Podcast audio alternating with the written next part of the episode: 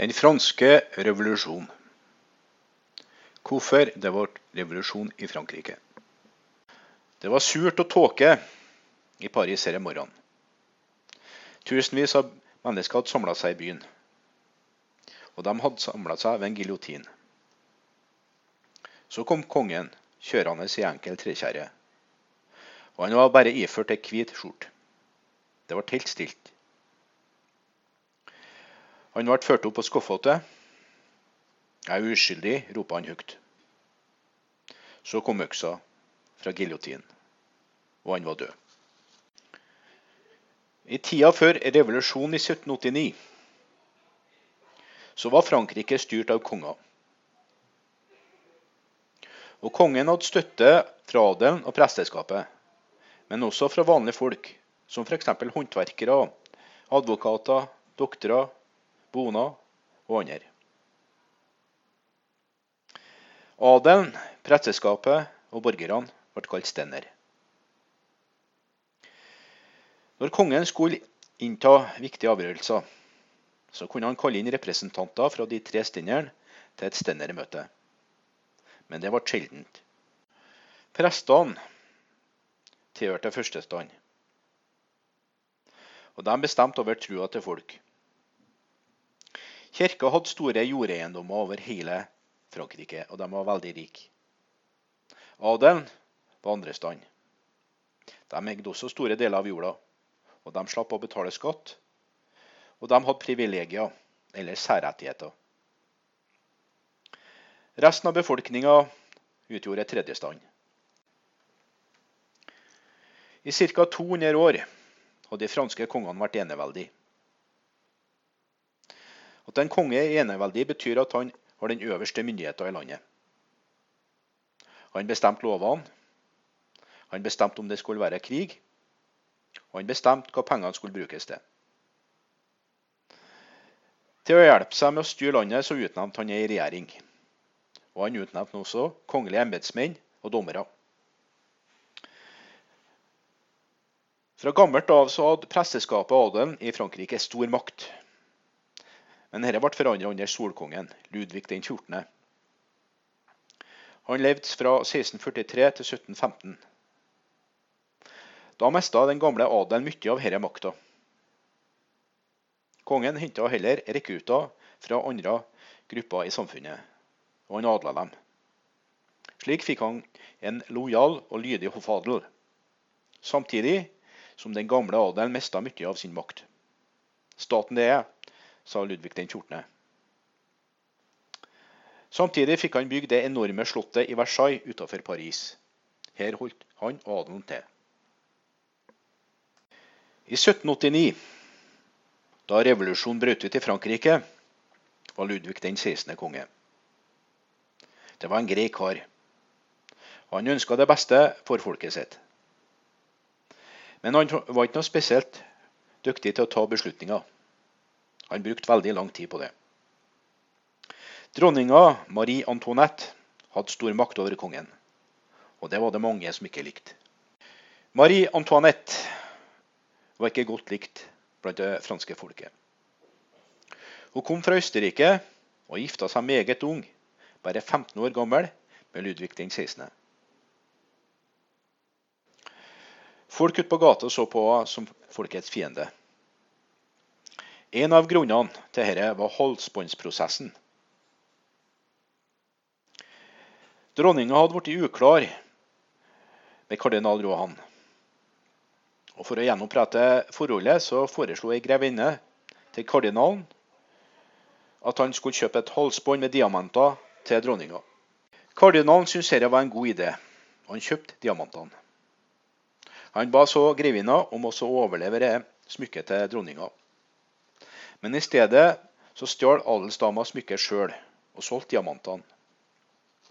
Og så ga hun et falskt smykke til dronninga.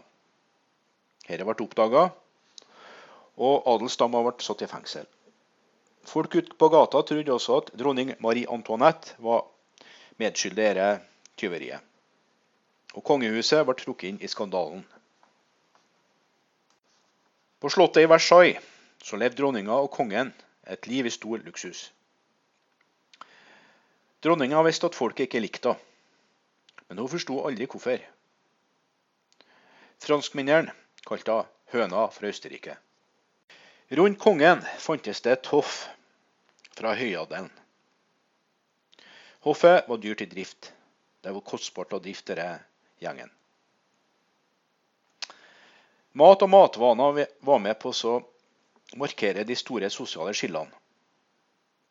Jo flere retter og jo mer mat de spiste, jo finere var det. Og når man hørte kongens krets, så måtte man ha stor appetitt. Det var flere store måltider om dagen, men det var middagen som var det viktigste måltidet om kvelden. Da ble det inntatt mange retter. Og god vin ble skjørt ned maten. Det ble ikke spara på noe.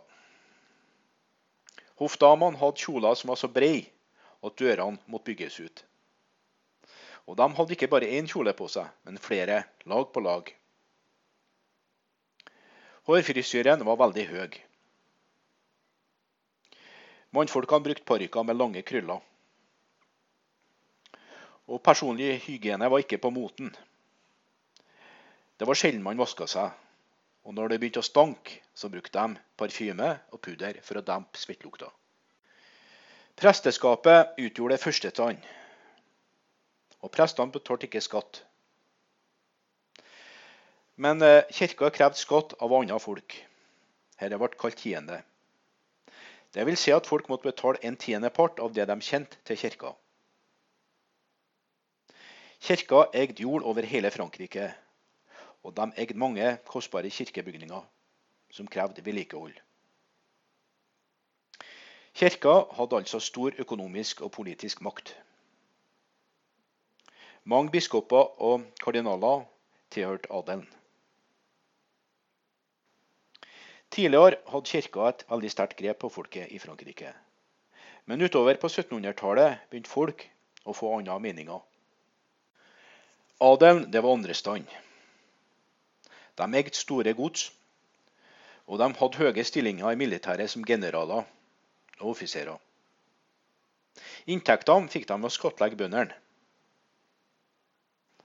Adelen var fritatt for skatt, og bare godseierne kunne eie ei vinpresse, ei kornmølle eller en bakerovn. Så bøndene som ønska å bruke dette, måtte betale ei avgift for å ha lån, vinpresser, kornmøller eller bakerovn.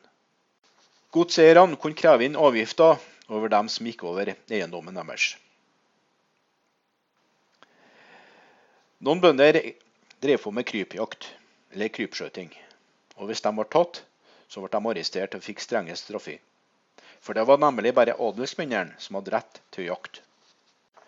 98 av franskmennene tilhørte tredje stand. Og de var en veldig sammensatt gruppe. Det kunne være folk med god utdanning, som advokater, banksjefer, handelsmenn, lærere, doktorer. Men også kroppsarbeidere som bønder, håndverkere, dagarbeidere, fattigfolk og folk uten arbeid. Alle måtte de betale skatt til kongen, tiende til kirka og skatt til adelen. Men både bøndene og adelen eide jord men det var bare bøndene som betalte skatt. Dette gjorde at mange bønder begynte å mislike adelen. Dessuten hadde tredjestand veldig liten politisk innflytelse og makt. 1700-tallet kalles også for opplysningstida. Og Opplysningsfilosofene var opptatt av fornuft og vitenskapelige oppdagelser. Det frie mennesket var viktig. Og det ble ikke akseptert at noen mennesker var mer verdt enn andre. Voltaire hevda at kirka sto i veien for den frie tenkninga. Menneskene måtte løsrive seg fra overtro, sa han. Menneskene kunne bare bli lykkelige hvis verden var bygd på toleranse og frihet. John Locke var engelskmann, og han levde fra 1632 til 1704. Og han var den som lanserte ideen om folkesuverenitetsprinsippet, som går ut på at det er folket, og ikke en konge, som skal styre et land. Folket skal velge sine representanter, som så har den øverste makt, og styrer på vegne av folkemengden. Locke mente at en nasjon må bygge på retten til liv, retten til frihet og retten til å ha eiendom. Charles de Montesquieu levde fra 1689 til 1755. Og han er kjent for maktfordelingsprinsippet. Det går ut på at makta ikke skal være samla hos én hersker, men fordelt på tre organer. Det ene organet er nasjonalforsamlinga, folkets valgte representanter. Dette organet har den øverste myndigheten og bestemmer lovene i et land. Så Nasjonalforsamlinga er altså lovgivende makt. Det andre organet er regjeringa. De skal sette i verk det nasjonalforsamlinga har bestemt. Regjeringa er altså den utøvende makt. Det siste organet er domstolene. De skal dømme etter lovene som er bestemt av nasjonalforsamlinga. Dette kalles den dømmende makt. Filosofene fra opplysningstida har prega den franske revolusjonen i stor grad. De har også påvirka den amerikanske uavhengighetserklæringa og den norske grunnloven. Frankrike hadde store økonomiske problemer under Ludvig den 16.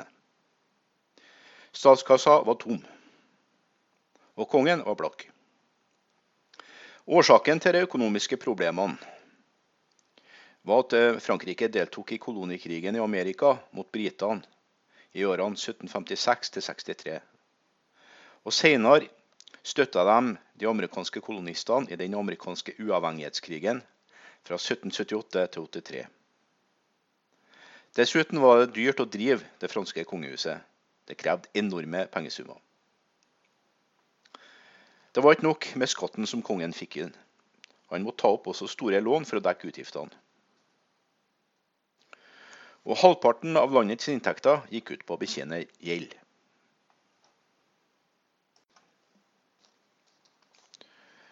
Borgerne hadde vært misfornøyd veldig lenge, spesielt de som drev på med handel. Mange borgere hadde gitt kongen store lån. Men det var tredjestand som måtte betale skattene, og ikke første- og andrestand, altså adelen og prestene. Og tredjestand hadde ikke noe å si i samfunnet. De kunne ikke bestemme noe. Det var det kongen og adelen som gjorde. På 20 år, fra 1770 til 1790, vokste den franske befolkninga med omtrent to millioner mennesker. Og befolkningsveksten var størst i tredje stand. Her var det også stor arbeidsledighet. Høsten 1788 så er kornavlingene dårlig, og det skyldes dårlig vær. Og det fører til at brødprisene går opp. Det er dyrt å ete. Folk er sultne. Men de som er øverst i samfunnet, kongen, adelen og presteskapet, de spiser godt. Her er det ingen matmangel, mens sulten herjer i befolkninga. Dette skaper irritasjon. De fleste har ikke nok penger til brød. Og kjøtt, det kan han bare drømme om. Det er stor arbeidsløshet i Frankrike og høye matpriser. Og Dette fører til misnøye blant folk. Og tankene fra opplysningsfilosofene begynner å virke blant folk. De syns det er noe galt med samfunnet. Hvorfor skal adelen og presteskapet ha det bra og ha privilegier, mens folk sliter? Kongen er blakk og må ha penger. Statskassa er tom. Og Han bestemmer seg for å innkalle et stendermøte etter råd fra hans finansminister, som heter Necker. Et stendermøte er et møte der første, andre og tredje stand møtes. Og folket tror at finansministeren skal klare å løse de vanskelige økonomiske problemene som Frankrike har. Og Necker er en populær kar, spesielt i tredje stand. Men målet hans er faktisk å skattlegge adelen. Og det vil ikke kongen vite noe av. De tre stenderne møtes i slottet Versailles utenfor Paris 5. mai. Sist en sånn stenderforsamling møttes, det var faktisk 175 år tidligere, på 1600-tallet. Årsaken til at stenderforsamlinga møtes, det er at de skal diskutere hvordan de økonomiske problemene i Frankrike skal ordnes opp i. Og Det er klart for alle som er på møtet at skattene må økes. Det er tredjestand som betaler mesteparten av skattene i Frankrike. Men kirkeadelen ikke bidrar i det hele tatt. De har skattefritak. Men det er faktisk kirka og adelen som vil at skattene skal økes, og at tredjestanden skal betale dem. På standardmøter som hadde vært holdt før, så hadde hver stand én stemme. Hvis denne ordninga ble holdt nå òg, så kom tredjestand garantert til å tape alle avstemningene. Fordi adelen og presteskapet hadde samme syn på ting og felles interesser. Tredjestand mente at denne stemmeordninga var urettferdig. De ville ha en ny ordning, der hver representant hadde én stemme. Da ville de vinne. For de hadde flere representanter enn første og andre stand. Kongen var imot denne avstemningsmåten. Han mente at hvis første og andre stand, altså adelen og kirka, beholdt sine privilegier og særrettigheter, så regna kongen med at de alltid ville støtte opp om ham. Tredje stand er lei.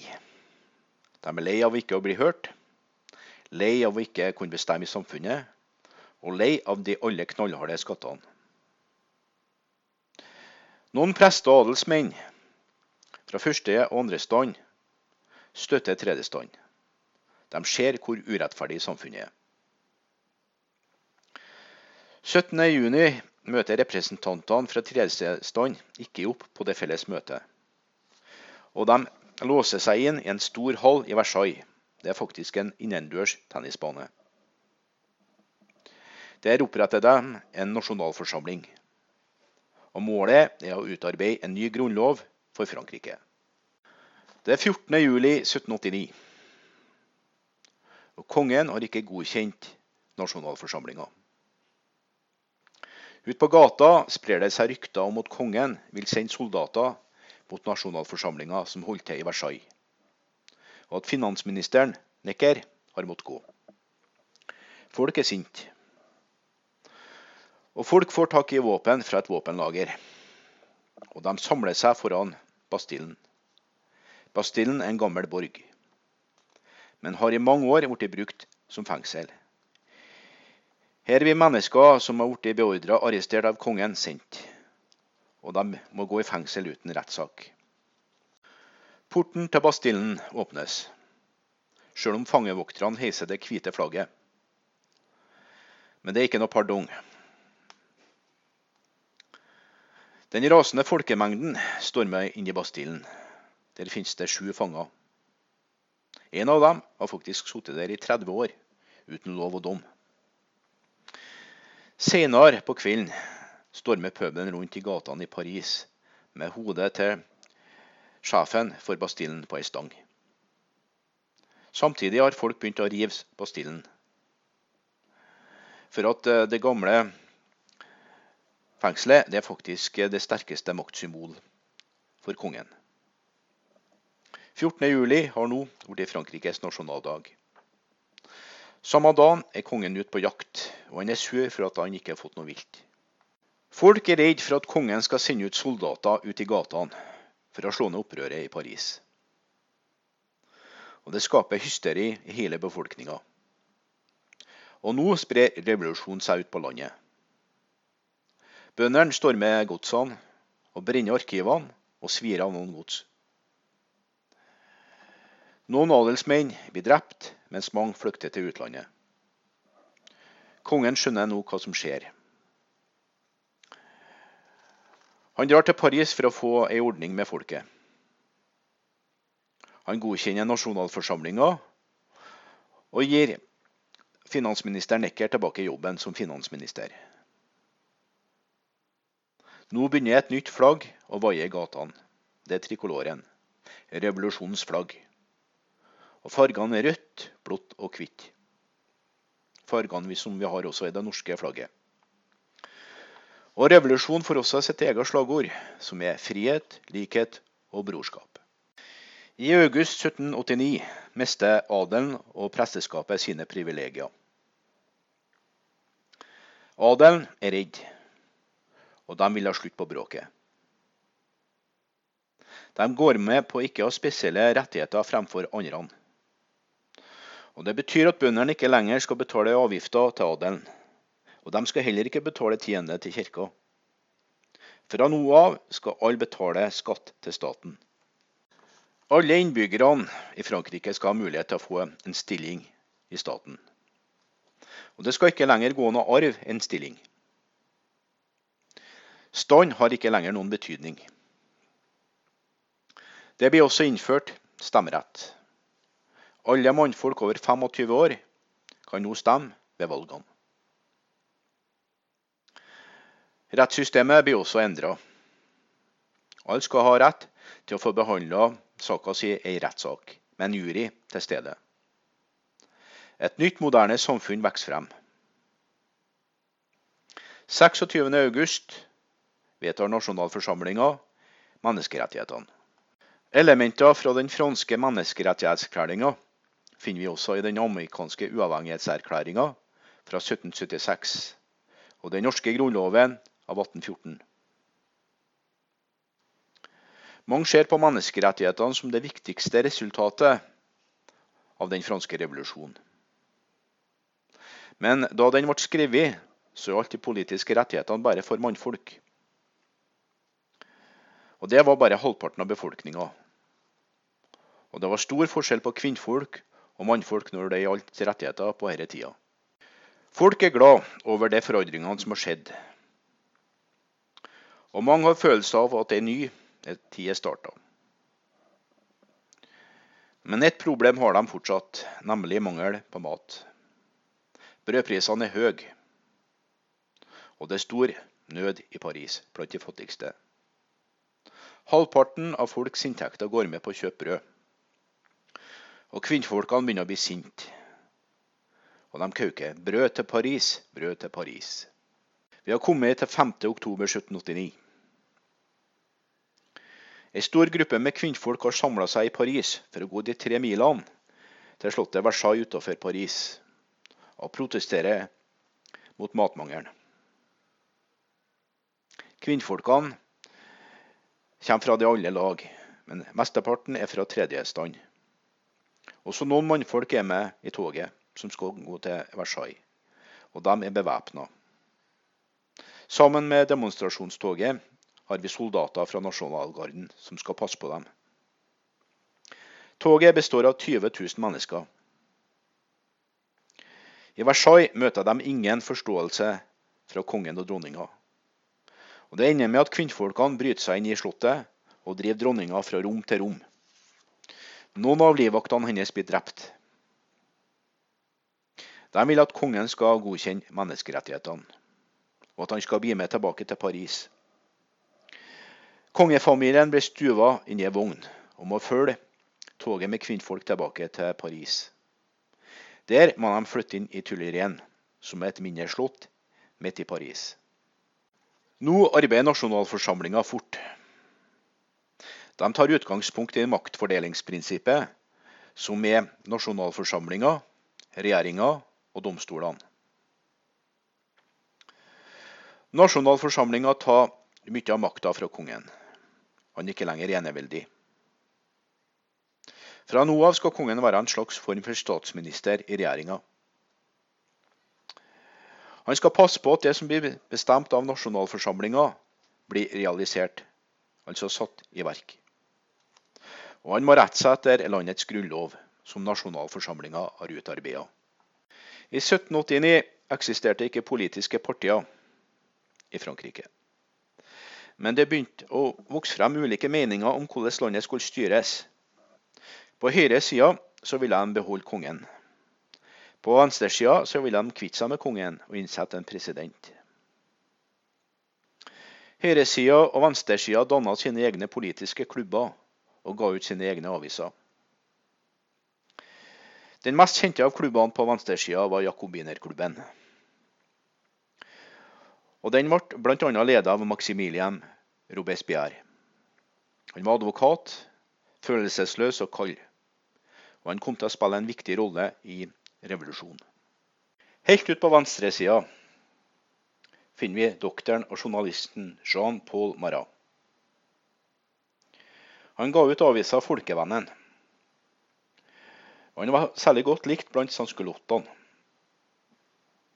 Han skrev ofte stygt om revolusjonsfiender. Frankrike har økonomiske problemer. Men kirka står seg godt. Den er rik. Men nå har staten bestemt seg for å ta beslag i kirkas eiendommer. De tar kirkas landeiendommer og selger det videre. Kirka mister makta, og nå er det staten som bestemmer over kirka.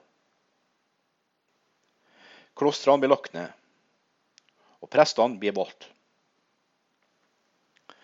De må avlegge en ed overfor Grunnloven, og de blir nå lønna av staten. Det er slutten av juni 1791, og ei vogn kjører ut av Paris. I grensebyen Varennes blir vogna stoppa. Passasjerene blir bedt om å gå ut, og de er kledd vanlig. Men det viser seg at det er Ludvig den 16., dronning Marie Antoinette, som har kledd seg ut. Pussig nok så er det en vakt som kjenner igjen kongen fra en pengeseddel. Kongen sier at han ikke har tenkt å forlate landet, men bare at han er ute på reise. Han blir ikke trudd av vakten, og han blir arrestert. Neste dag blir passasjerene sendt tilbake til Paris. Og ryktene går. Kongen har vært illojal, og han sviker landet sitt. Det går rykter om at Marie Antoinette har sendt brev til broren sin Leopold 2., som er keiser av Østerrike-Ungarn, Bøhmen, og bedt om militær hjelp. Ludvig den 16. og Marie Antoinette blir nå låst inn i Tuilerien, slottet i Paris. Fremtida er ikke lys. Kongens flukt skaper stor mistenksomhet i Frankrike. Kongen spiller en veldig viktig rolle i statsstyringa av Frankrike. Er de kongevennlige nasjonalforsamlinger egentlig revolusjonsfiender? Det er spørsmålet mange som stiller, særlig i jakobinerklubben. Der det er stor mistenksomhet. Maximilian Robespierre kritiserer dem som ønsker å beholde kongen. Og Jean-Paul Marat skriver om de kongevennlige som en ødelegger revolusjon. Revolusjonen sprer seg til resten av Europa. Ideen om at alle mennesker har like rettigheter, blir populær, først og fremst i middelklassen. I Tyskland bryter ut store streiker, og de tyske bøndene gjør opprør. Men adelen i Europa liker ikke det som skjer. De er redde, skeptiske. Revolusjon går inn i en ny fase. Myndighetene har trykt opp for mye penger, slik at verdien på pengene har sunket. Og det har blitt inflasjon. Og Det betyr at folk må betale mer for maten enn de har gjort tidligere. Og levekostnadene har økt. Og fattige folk har det ikke bra. Folk er misfornøyd med regjeringa. I Paris opprettes det et styre som tar kontroll over byen. 10.8.1792 stormer folket slottet Tulleren. Kongeparet blir arrestert. Folk mener at de er forrædere, og at de står i forbindelse med kongehus rundt om i Europa. Og at de oppfordrer andre land til å gå til krig mot Frankrike for å slå ned revolusjonen. Kongehusene rundt om i Europa ønsker å gjeninnsette den franske kongen i den stillinga han hadde som konge før revolusjonen. De frykter at revolusjonen vil spre seg til andre land. Keiser Leopold 2. av Østerrike, som er broren til dronning Marie Antoinette, reagerer sterkt på det som skjer i Frankrike. I august 1791 truer han med krig. Og Hvis det skjer noe med kongefamilien, så vil han gå til angrep. Det er mange i Frankrike som mener at en krig ville være godt for revolusjonen, og at det vil skape mer samhold. Og Frankrike ruster seg til krig. Et halvt år senere erklærer Frankrike krig mot Østerrike. Kongefamilien har bedt den østerrikske keiseren om hjelp til å slå ned revolusjonen. Det er ikke populært.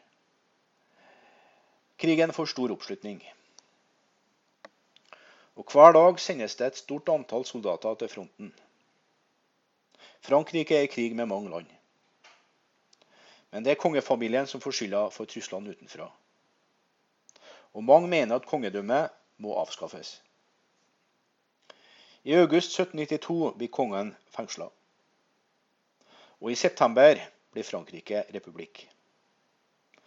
Det bestemmes at det skal innføres en ny tidsregning, og året 1792 blir til år 1. I 1793 er et dårlig år i Frankrike. Det er krig, det er vold, og det er drap. Mange reiser det spørsmålet hva man skal gjøre med kongen. I januar 1793 bestemmer nasjonalforsamlinga seg for at kongen skal henrettes. Og de stemmer to ganger over saken. Resultatet er det samme. Kongen skal til giljotin. Om morgenen 21.1 blir Ludvig den 16. frakta med vogn til giljotin. Gatene er fylt av folk. Kongen sier at han er uskyldig. Ingen nåde. Øksa giljotin kapper hodet av kongen, og kongendømmet er avvikla. Hodet til kongen blir holdt opp. Folk jubler. Resten av Europa og kongehusene i Europa er i sjokk. Hvordan kan et folk drepe sin egen konge? Det spørsmålet blir stilt.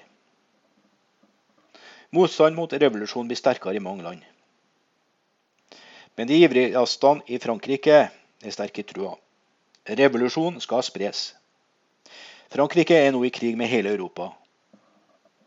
Men også inne i landet er det fiender som vil motarbeide revolusjonen. Kongen og nasjonalforsamlinga er nå borte. Det er behov for en ny og sterk utøvende makt, en regjering. I april 1793 blir velferdskomiteen oppretta. Det er en diktatorisk regjering som skal slå ned all motstand mot revolusjonen. Robespierre har en sentral posisjon i denne komiteen. I perioden 1793 1795 blir rundt 20 000 mennesker henrettet. Mistenkt for forræderi mot fedrelandet og revolusjon. Mennesker fra alle samfunnslag må bøte med livet. Naboer angir hverandre, og folk er redd for å bli angitt. Giljotin går uten stans. Og Det er ingen overdrivelse å kalle disse årene for blodbad. Henrettelsene kalles også for terroren. Og folk føler det er vanskelig å støtte revolusjonen. Sommeren 1793 er mange lei revolusjonen lei av velferdskomiteens diktatur, og ikke minst lei av den konstante mangelen på brød. Terrorregimet blir mer og mer upopulært. I juli 1794 blir Robespierre arrestert. Ned med tyrene, roper folket. Dagen etter ble han ført til giljotin og henretta. Etter Robespierres død følger en roligere periode. På fem år har Frankrike gått over fra å være et monarki til å bli republikk. En demokratisk grunnlov har blitt innført, og statsmakta deles i tre. Landet har slutta fred med Prøysen og Spania. Men landet har unna et problem. Hvem skal styre landet? Det finnes ingen naturlig leder, og det blir oppretta et slags råd, direktoriet, som skal styre landet. Men direktoriet makter ikke å skape ro. Noen vil gjeninnføre kongedømmet. Dette fører til mye uro, og det er fortsatt strid mellom de mest revolusjonære og dem som vil ha kongedømme. Og I kulissene venter Napoleon.